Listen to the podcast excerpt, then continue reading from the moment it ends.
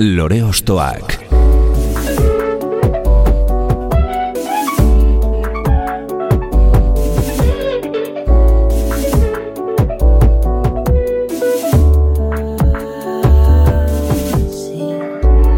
Ekain perezek aurkeztuta, gonbidatu bakoitza lore bat balitz bezala ostokatuko dugu. Jakiteko, zeintzuk diren bere lore ostoak. Haupa, zer moduz, ongi etorri lore ostoak saiora. Gaurkoan, Portugaleten mila bederatziun deirurogeita emezortzian jaiotako musikari batekin elkartuko gara. Trikitisaren maisuetako bat dugu bera eta ibilbide luzea du dagoneko gure estenan, naiz beste herrialdetako musika folklorikoaren zirkituetan barena bidaiatuz. Eskubetarekin zenbatzeko adina sorkuntza landitu gaur egun eta hain zuzen bost izena du, zentzumen oro gozarazteko moduko soinuak dakartzan bosgarren lanak. Hanemengo lagunekin bizitakoak, haurtzaroa, aitatasuna eta maitasuna izan ohi ditu inspirazio iturri gisa bere barne bidaia moduko honetan, eta bertan sakondu nahi dugu gaurko saioan. Hau, lore ostoak da, eta gaurko gure lorea Xabi Aburruzaga.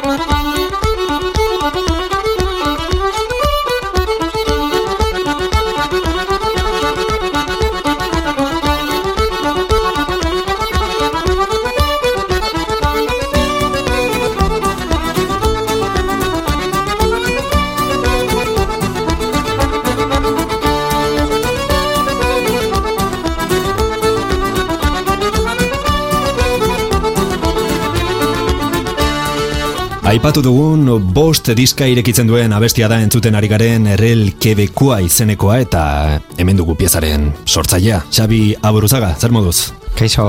Kasuntan kebekera begira jarri zara abesti honetan, ezta? Bai, bai, holan izan da, azken urte hauetan bertera bidatzeko aukera izan dut, lagun batzuk egin ditutan, eta diska berrirako ba nahi nuen euren erritmoan konposatzea pieza berri bat eta Mhm. bueno, reel bat, berez ez da gure ritmo tradizionalean oinarritzen Mhm.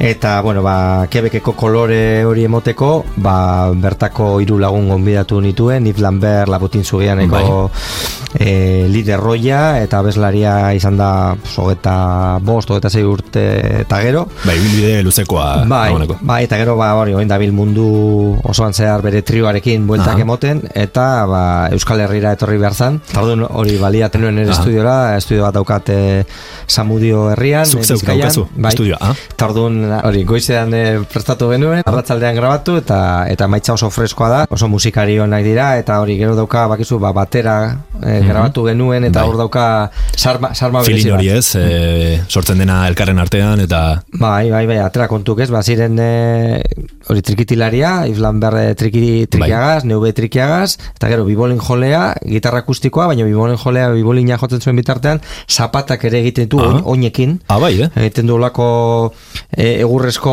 ola baten gainean, Aha. eta Erritmoak markatzen eta- hori da, eta bibolina jotzen zuen bitartean. Zaila da. bibolina jotzea, Ba, atera kontu, ba, hori zapatak eta, eta orduan egite dute, basaldi baten galopearen Ah.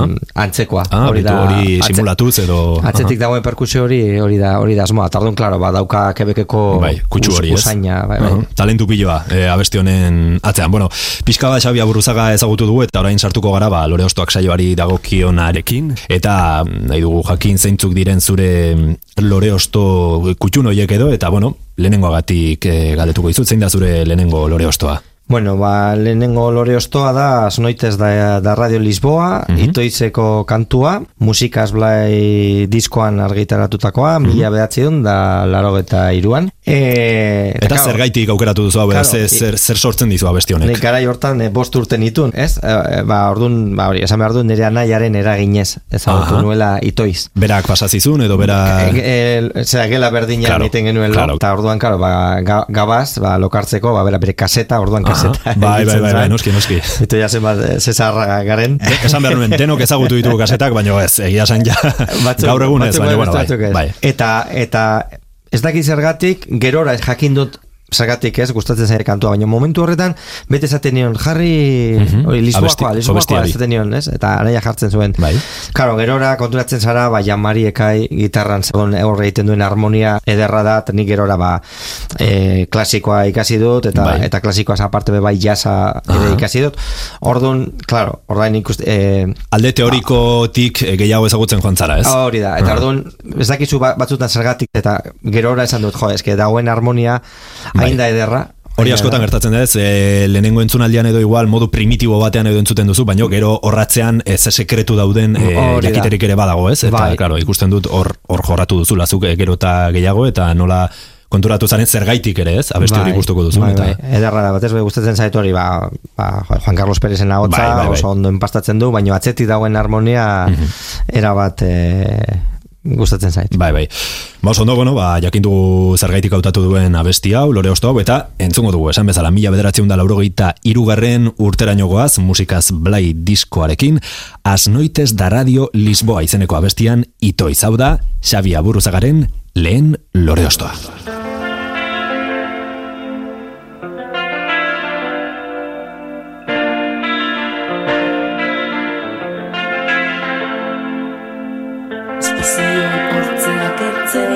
Leiotik at. Argiak bustitzen du nire ontzia. Argitate ezean negan oroimen oro. Iragana bihurtzen da gardena Gardena Lurraren azala Simelizten Arrizko uginak Plastikozko mendeo Infinitora narama Nina izulizez Planeten hautzak aizeak Zabaltzen ondean oh.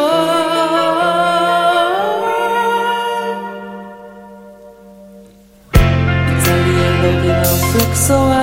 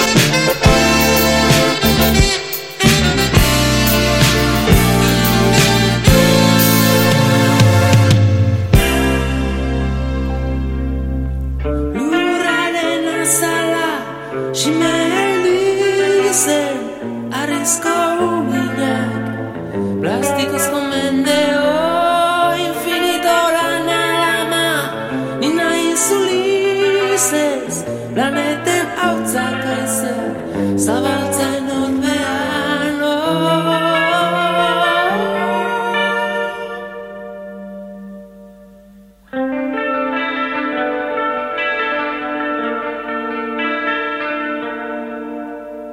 Lore Ostoak.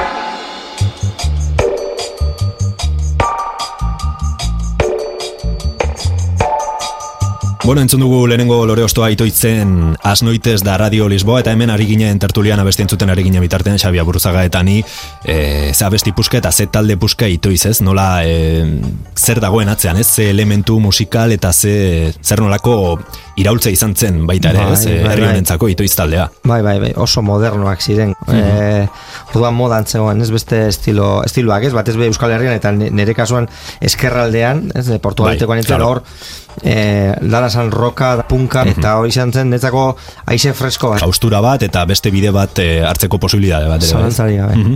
Ba oso ondo, bueno, entzun ditugu, eh, entzun ditugu Juan Carlos Pérez eta konpainaren doinuak eta bigarren lore ostoaren bila joko dugu orain, Xabi Aburuzaga trikitilariarekin, esaiguzu, zein da zure eurengo proposamena? Bai, ba, bueno, netzako ikur handi- handia izan dakoa, e, oskorri taldea, aski ezaguna, ez dute aurkezpen beharrik. Bai, aurkeztuak daude. Bai, bai. eta hor, e, ez dakit, dozenaka kantuak daude, ez? Mhm. Baina, bueno, bat e, hautatzekotan, netzako da espata dantza, ez? Daukatelako e, musikarekin nidokan filosofia bera, ez? E, tradizioa eta modernitatea uztartzea egiten zuten garai horretan eta eta kasu honetan ba espata dantza hau hermosurie diskoan kaleratu zuten mila Hori da. bederatziehun eta laurogeita lauean Bai. Eta zergatik, ba, bueno, ba, espata dantza erritmoa, mm, e, ez dakit, eguneratu zutelako, modan Mhm. jarri zutelako. Gerora, e, eurekin ere jotzeko aukera izan nuen. Ah, da, ezagutzen dituzu beraz. Bai, bai, Mhm. bai, bai. E, hor egiten zuten proiektu bat ditzen zala de Pafi Biltaria urtero egiten zutela Ah. disko bat zuzenean. Bai, bai, bai, bai. Eta hortako ba, bi, bi aletan e, grabatzeko Mhm. eta ezagutzeko, eta gero ere zuzenean emanaldi batzuk e, egiteko aukera izan nuen, izan nuen eta horre bat, ez, ba, miresten dituzun lagunekin, bai, holtza claro. gainera igotzeko. Bai, gainera herri honetan musika folklorikoaren ikur handi bat da, inongo zalantzari gabe, oskorri. Bai, bai, bai. Netzako oso, oso garrantzitsuak dira.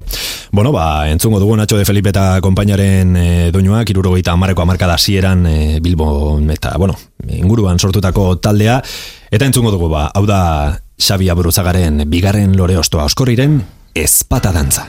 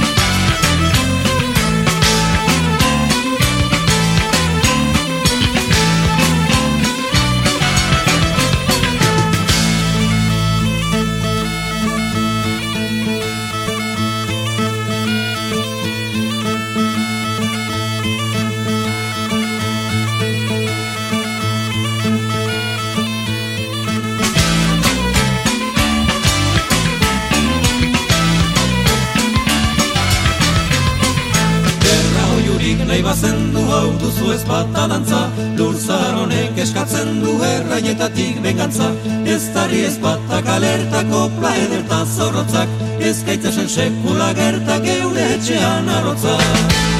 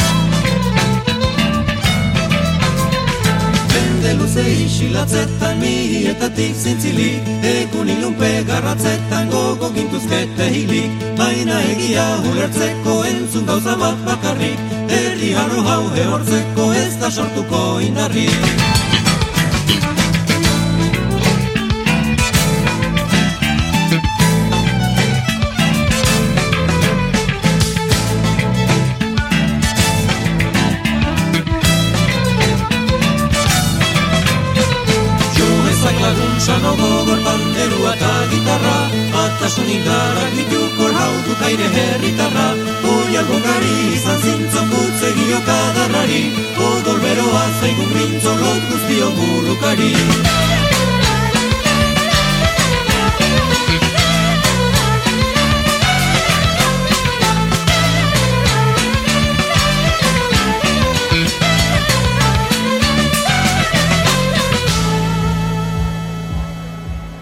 Lore ostoak.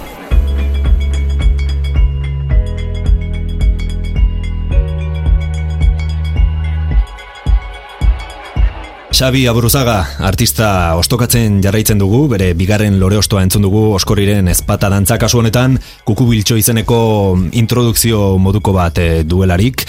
Eta bueno, e, mito hauek entzun ostean, e, beste baten bila joko dugu, zein da zure urrengo autua, Xabi? Bai, ba, Mikel Urdangarin jarraitzen Mhm. dugu Bizkaialdean, horrengoan.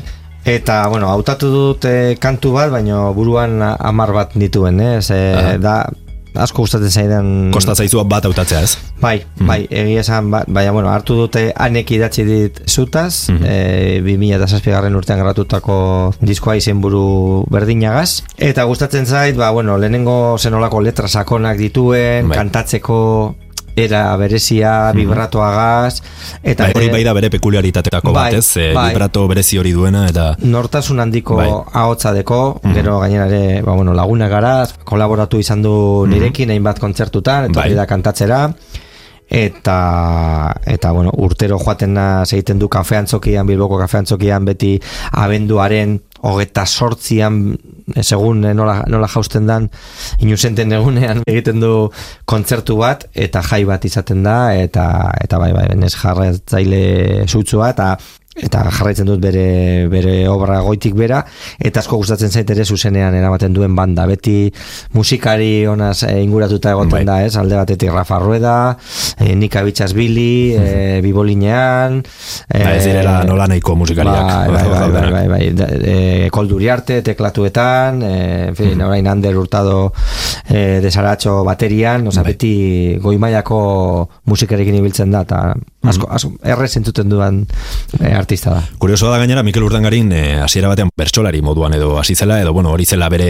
eh, Bai, bai. puntu fuertea edo esango dugu, baino pixkanaka, claro, daukana hots eh, berezi horrekin eta eh, bidez aldatu zuen edo beste helmuga batzutara begira jarri zen eta musika munduan bukatu zen, emaitza paregabearekin. Zenik Bai. gogoan dut lehen diska hura badira hiru asten ikuste etxe bakoitzean ale bat bazela, e, disko Bai, bai, bai, bai, bai, izan bai, zen bai. eh, boom garrantzitsu bat. ispilue deitzen zan diskoa. Ispilue, bale, bai. Bai, eta hori da bigarrena, ze lehenengoa ditzen zan aitzetan. Aha, bale. Hori igual ez zuen horren beste izan Claro, zen beste, beste izan zen ja igual ofizialki edo ezagunarazi zuena, ez? Bai, bai, bai, Ah. bigarren horregaz nigo goratzen dut, Claro, jo, bat izan zen. hiladak eta hiladak egoten Bai. eta bai, bai, diska gogoan garriak egin ditu, zalantza barik. Baina, bueno, netzako oso berezia da anek idatzi dizutaz, Bai.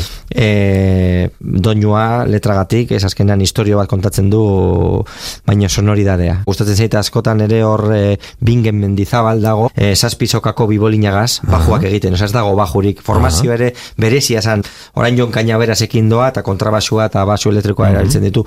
Bueno, gara horretan bingenekin egoten zan, da oso banda e, berezia Mhm. egiten zaben. Bueno, ba, entzungo dugu Xabi Aburruzagaren irugarren loreostoa Mikel Urdangarinen anek idatzi dit zutaz 2007 garen urteraino goaz.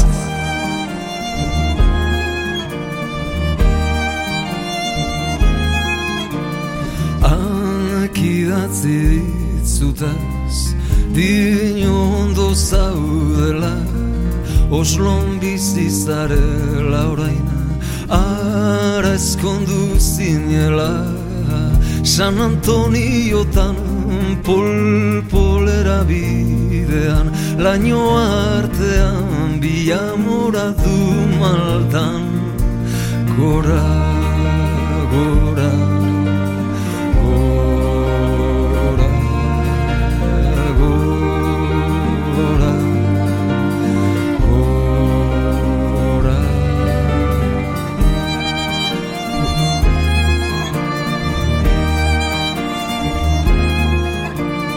Jakin izan dut berandu Ama izan zinen maiatzan Jon jarri diozu izena Jende onaren izena Salda beroa Urriko ferietan. Uda berri zan baina Bilboko plaza berrian. Agur maitea altzako papiotzak Gora, gora, gora,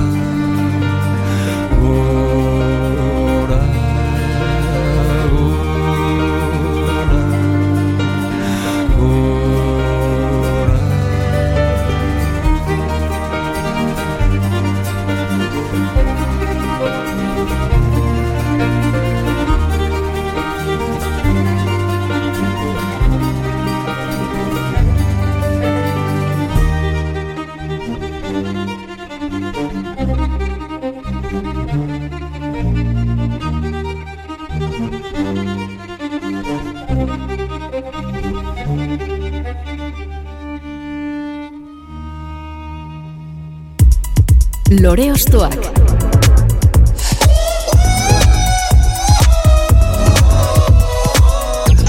Mikel Urdangarin amoribietan jaio eta gazteizen urte mordoa igarotako artista handiaren musikaz gozatu dugu eta, bueno, Xabi Abruzagaren eskutik entzun dugu eta besta besti bat eskatuko dio orain laugarren lore ostoa kasu honetan, Xabi. Bai, bueno, orain trikitiza munduan murgilduko gara. Osondo. Eh, Zuk horretaz badakizu.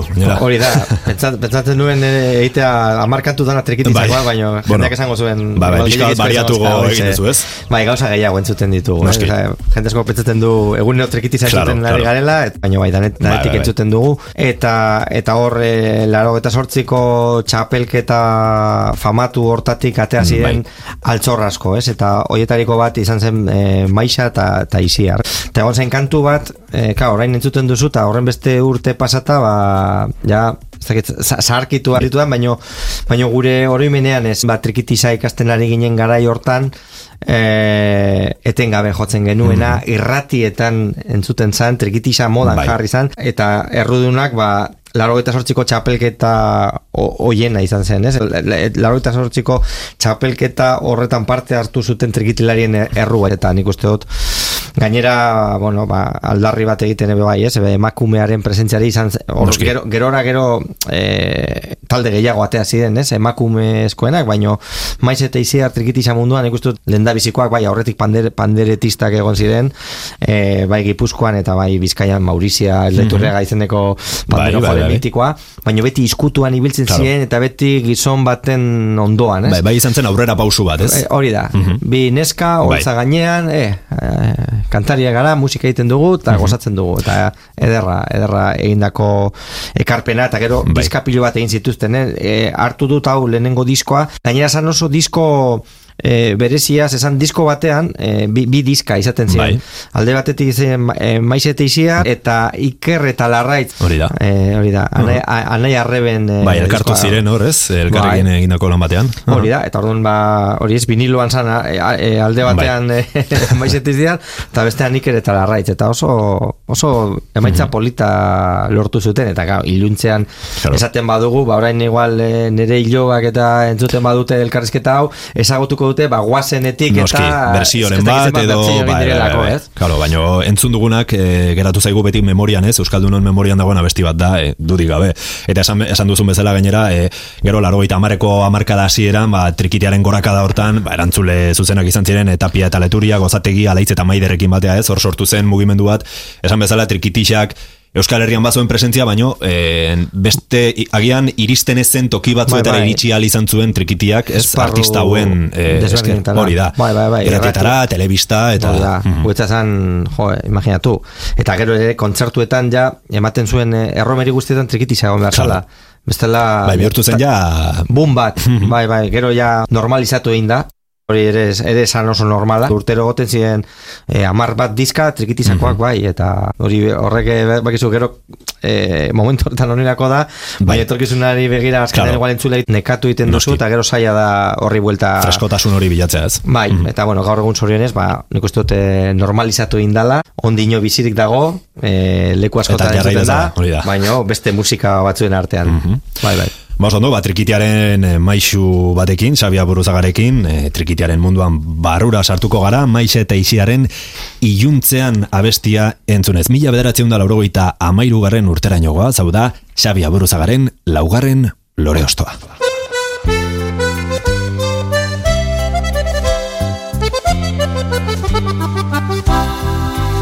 Ilargia uretan murgildu da itxasarrain txikien altera Uraren oskirriaren zirrara undarre pelaren alboa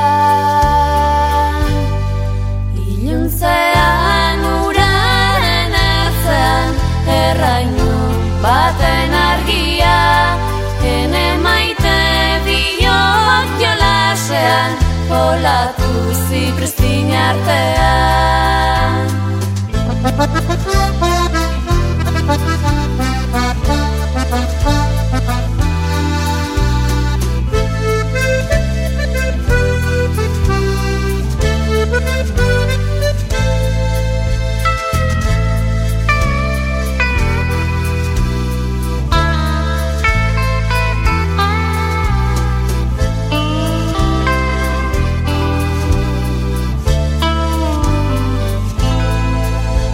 Ilargia uretan murgildu da Itxasarren txikien artera.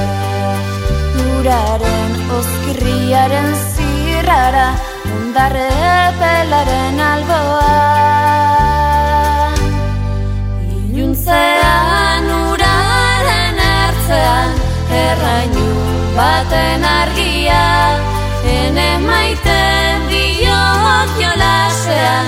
Olatu zipristin artean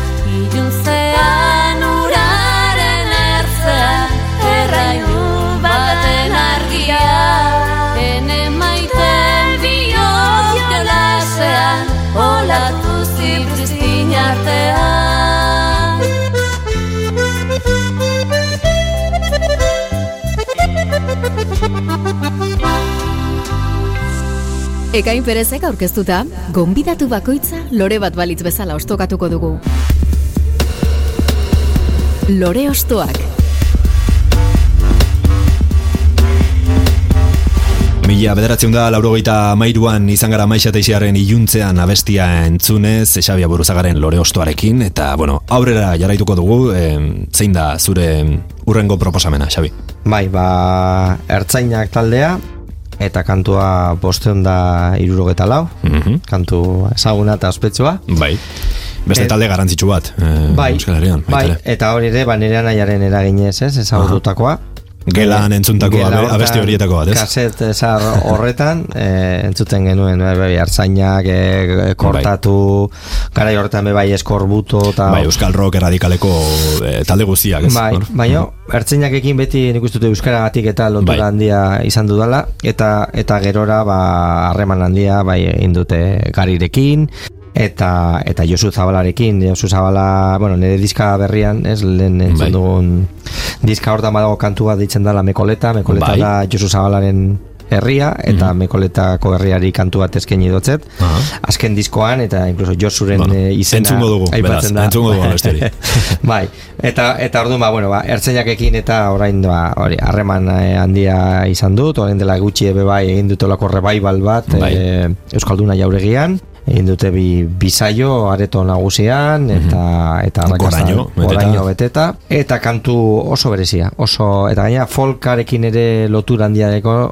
e, nire ustez eta Josu e, erabiltzen du eskusoino txiki bat Bai. e, trikitiza moduko bat baina gero ja ezagutzeko aukera izan dudanean hartu Bai. diote instrumentua Eta ezberdin Ez- jotzen da, ala- ez nuen eh, desberdin berak egin du Bera so, soinularia da, eh, Ah. esku soinu handia jotzen du Vale.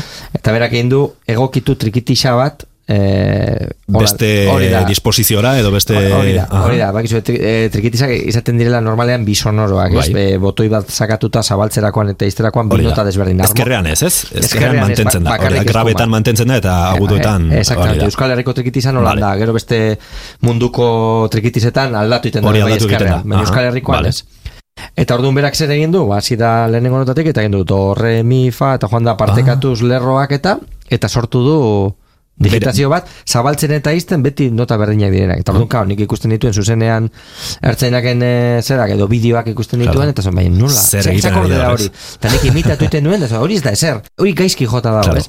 Eta, eta gerora deskubritu dut zeintzan bere sekretua, baina bueno, bajotzeko era desberdina esan, baina trikitizaren espiritu ere isladatzen Claro, mm, ze kuriosua.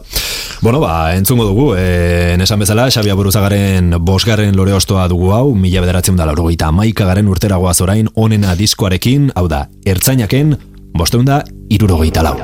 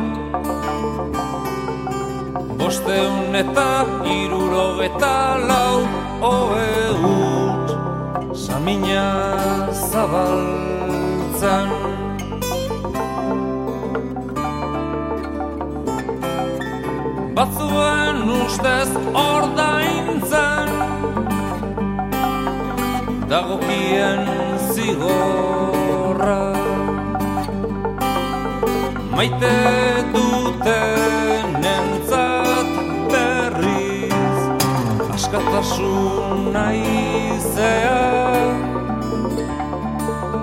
Baina hori norkulartarazi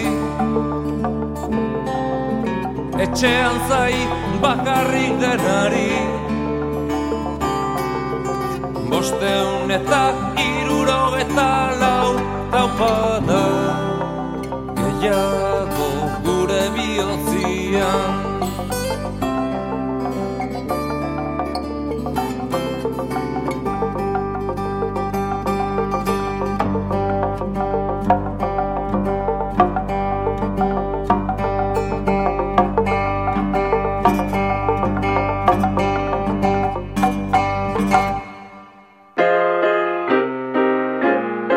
Lore Ostoak.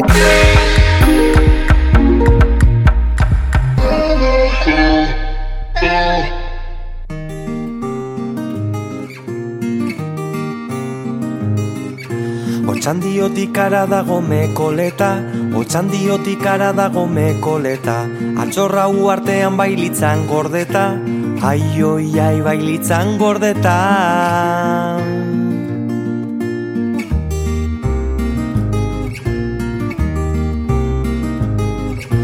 Ezaite zabiatu galduko zarata, ezaite zabiatu galduko zarata, iristeko behar da bihotzeko mapa, ai oi ai bihotzeko mapa. Jarraitu baizearen bandera pirata.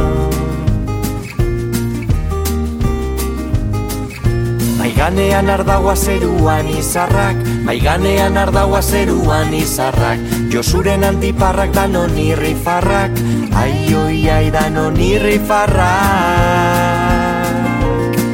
Kopla sortu barriak eta laguntzarrak.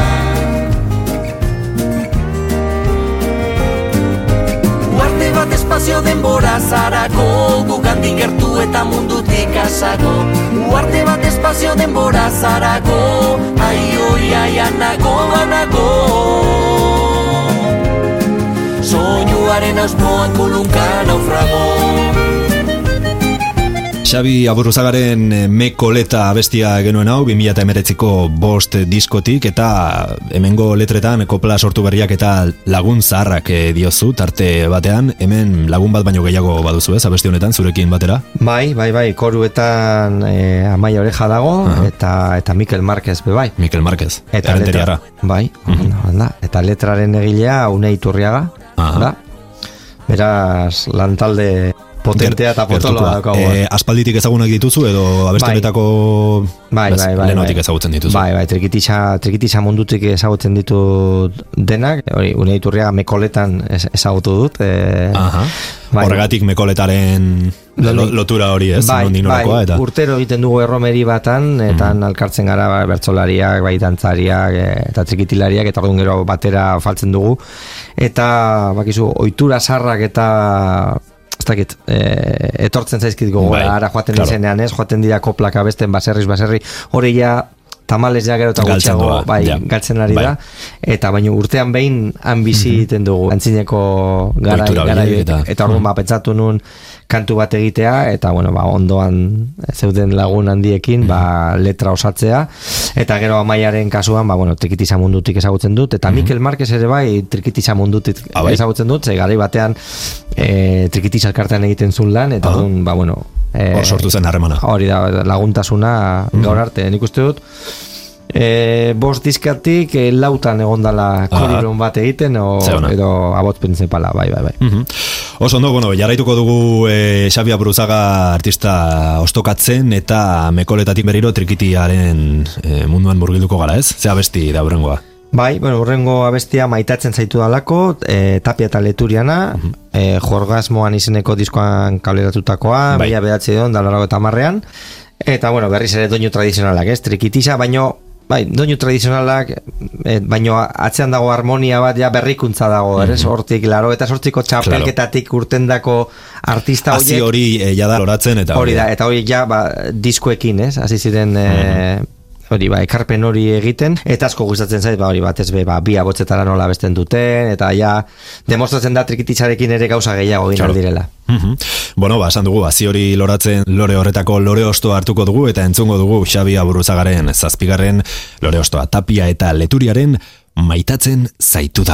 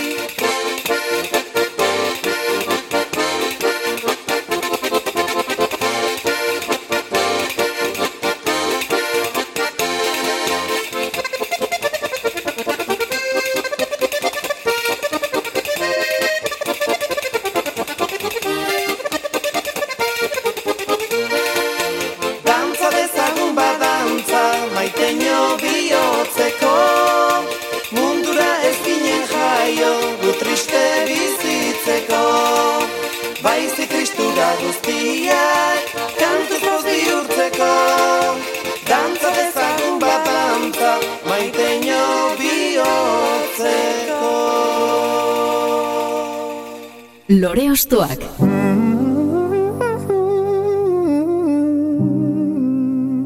Joseba Tapia trikitixarekin eta Xavier Berasaluze leturia panderoarekin entzun ditugu Tapia eta leturia maitatzen zaitu dalako abestian.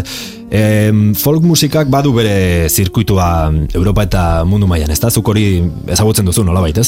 Bai, bai, bai, badaude folk jaialdi asko mun- mundu osoan, eta gainera Euskaldunak ere oso ondo ikusiak gara, ez? Ongi etorriak dira bertan. Bai, bai, oso estimatuak gara, batez be, ba, bueno, aurreko belaunaldiek utzitako ondaria gaitik, ez? Ba, horretik eh, pasatu dira hainbat jaialditatik bai tapia, bai leturia, bai maiza, kepa bera, Bai. eh, gero etorriko dana be, bai, Bai. zerrenda honetan aurreratuko Spoiler txiki bat, Bai, baina tapiaren kasuan, bueno, gero nire irakaslea izan da bost bat urteta, Ah, bai? eh, trikitisa irakaslea, eta orduan ondo ezagutzen duzu. asko Eh, miresten dudan eh, tipoa letu be bai, no- nola ez, baina Josebakin oso harreman zuzena izan dut, eta ekarpen handia egin dut trikitisa munduantzako, eta zerrenda honetan eh, egon behar zan zalantza barik. Bueno, trikitiari bere lekua emango diogu berriz, ez? Xabi, zein, zein da abestia? Bueno, beste mausu, maizu bat, ez? Bai. Berakin ere ikasteko aukera izan dut hainbat urtetan. Laguna, eta, eta bueno, ba, kantu berezi batekin, e, Kepa Junkera jauna,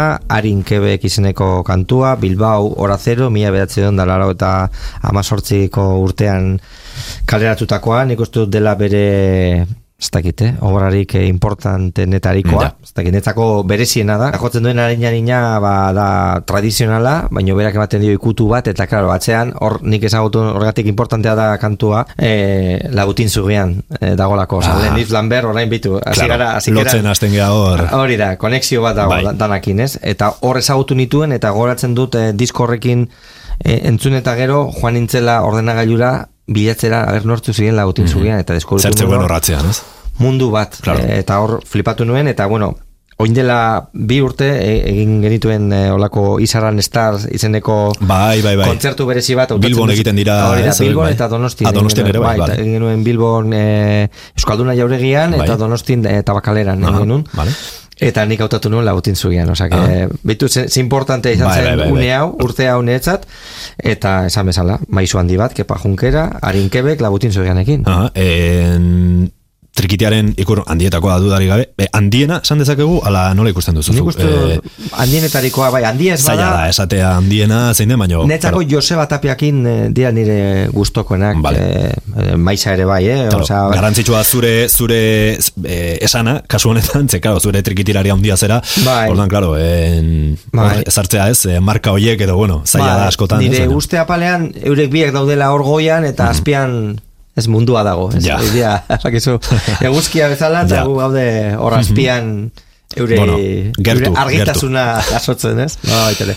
Bueno, ba, kepa junkera handia, e, 2002an Eduardo Martínez Torner folklore saria jasotakoa, e, trikitaren munduaren iraultzaile gisa, eta 2004an ere folk disko honenaren Grammy Latino ere irabazi zuen, ka Bai. lanagatik, beraz. Hori da. bueno, e, hitz potoloak dira hauek, ez? Ba, bueno, entzun dezagun, besterik gabe, Xabia Buruzagarien eskutik kepa junkeraren harin kebek.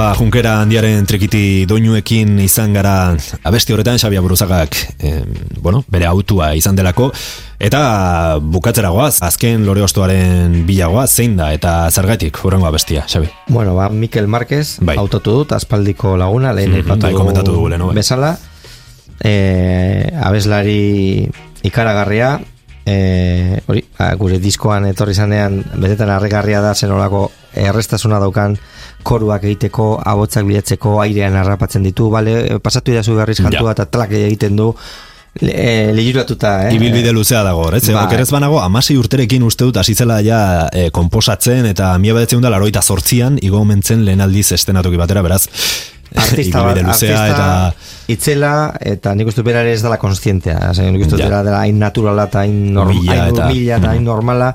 Ez ez dela konstientea, berak ez, ah, venga, eh, egingo dugu hau, bai, ba, bueno, ba, saiatu egingo gara, eta jo, baino, benetan, eh, ez bada lehenengo toman, Ea, bigarrenean egiten du eta Hor dago ona.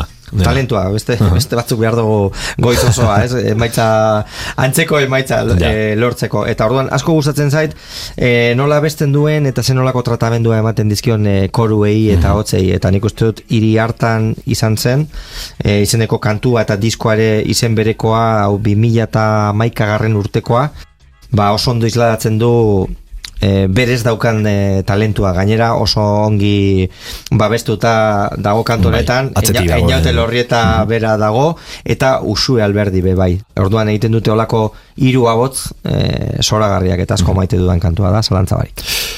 Oso ondo, ba, bueno, Xabi Aburuzagaren azken lore ostoa entzungo dugu, horeretan, errenterian mila bederatzen diruro eta amaikean jaiotako Mikel Marquezen, hiri hartan izan zen abestiarekin. Hau da, lore ostoa. Hiri hartan izan zen ia maite minez. Lokartzen ginenean esnezatxe ginez. Gosea sezinez Hordirik jakin minez. Eriotzaren atxa antzeman ezinez Kalean ganibetak tabernan babesa Ilargi eta argi errima traketxa Esku baten zerbeza etxerako pereza amilde giratzea zer gauza erreza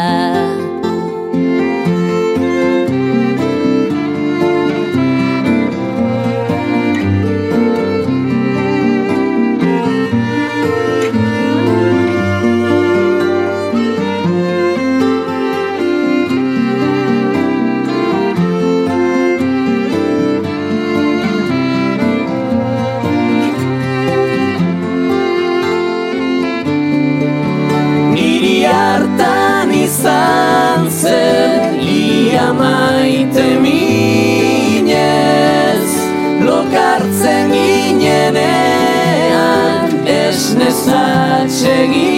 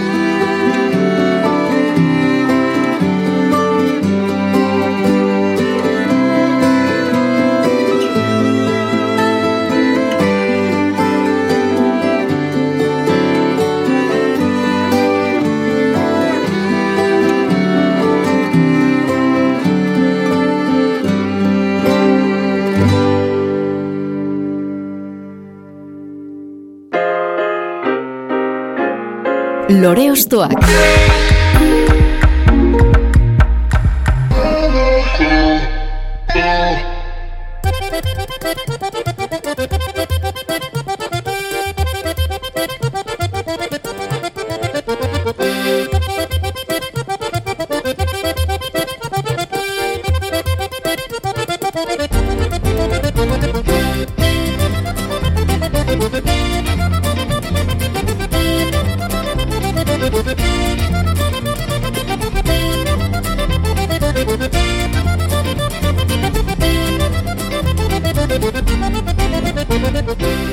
Keltik, eh, Xabi Aburuzagaren 2008ko diskotik entzuten ari gara, maestro Zubeldia izeneko abestia eta kuriosia ez, nor da maestro Zubeldia, Xabi? Maestro Zubeldia da nire Portugaleteko kalearen izena ah, vale. eta izan zen nire lehenengo ikastetxearen izena be bai. Uh -huh, vale. Eta antzaz izan zen ba, Portugaletera etorri zen olako irakasle mitiko bat, oso maitatu bat, eta bueno, ba, ikastola eta eskola eta baina izen berdina dauka, eta kalea izen berdina dauka. Eta orduan nire mundua azten zen maestro zubeldea kaletik, orte ateratzen zen nire gurasoan etxetik, eta maestro zubeldea kaletik joaten nintzen, maestro zubeldea ikastitzera. Orduan, Bueno, ba, aurreko diskoko kantu bat da, kelti gizeneko diskoa, 2006an kaleratu genuena. Ah, 2006, bale, 2006 bai. uste dut esan dudan ez? 2006, bale. Bai, ba, 2006ko azaroan kaleratu, vale, vale, vale, kaleratu genuen, e, bai, getxo folk, e, ah zera jaialdi ospetsuaren barruan, eta hor bertan ustartu nituen Eskozia, Irlanda, e, Bretaña, Galizia, Asturias eta estatu batuetako folk musikariak, ba, kutsu eta kolore folkia emoteko. Orduan hor daude Bodrana, Kilian Paipak, gero gitarra akustikoak, e, en fin, e, gaita bai. eskoziarra... E, bai, Eskozia ipatu zu, e, Martin O'Neill dago, ez? Abesti honetan... Bai. Martin O'Neill da Bodran jolea, dela, bueno, berak afinatu iten ditu, osea, galdetu zen, nahi duzu bajoaren linea jarraitzea eta nota emota eta zen, ez, ez, ez, egin perkusia bakarrik. Baina gai da, e, bai. ez badeko zu, ba, gitarra akustikoa, imaginatu, trikitiza gitarra akustikoa eta Martin O'Neill. Pues daukazu kontrabajista bat. Ja. Ze, gai da, jakiteko zetonoan dagoen kantua, mhm. eta ematen ba, dizu, nota pedala, eta oso bitxia izan zen, ez nuen ezagutzen, email bat bidal nion, e, astelen batean, eta, bueno, haber, animatzen zen grabaketarako, eta esan zidan, vale, e, importa zaizu biharko egiten badut? Nola biharko? Biharko egin da, dira zei kantu, bai, bai, bai.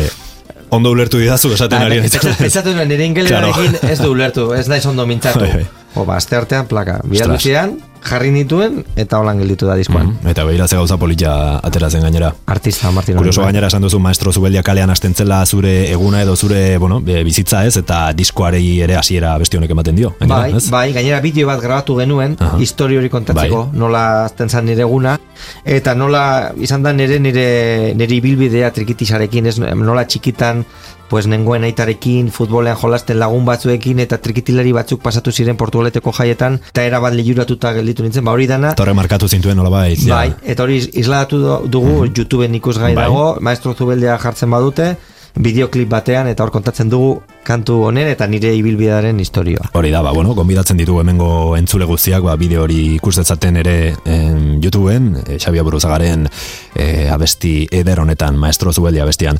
Bueno, ba, Xabi, placer bat izan da e, zu ostokatzea, hemen lore ostoak saioan gurekin egotea, pixkat gehiago ezagutu zaitugu, zu musikari bezala, zure ingurua, eta bueno, ze, ze abesti ere gustuko dituzun jakin dugu. Beraz, e, mila mila esker etortzagatik, sorte asko, hemendik aurrerako proiektu guzietan, kontzertuetan, eta bueno, zure ibilbide musikala oparoa eta luze izan dadila, Eta bueno, ba hori, mila esker eta beste bat arte. Bai, eskerrik asko zuei gonbidatzagatik eta nahi duzun arte. Oso ondo. Bueno, eta zuri dagokizunez entzule eskerrik asko gurekin izategatik eta aurren arte.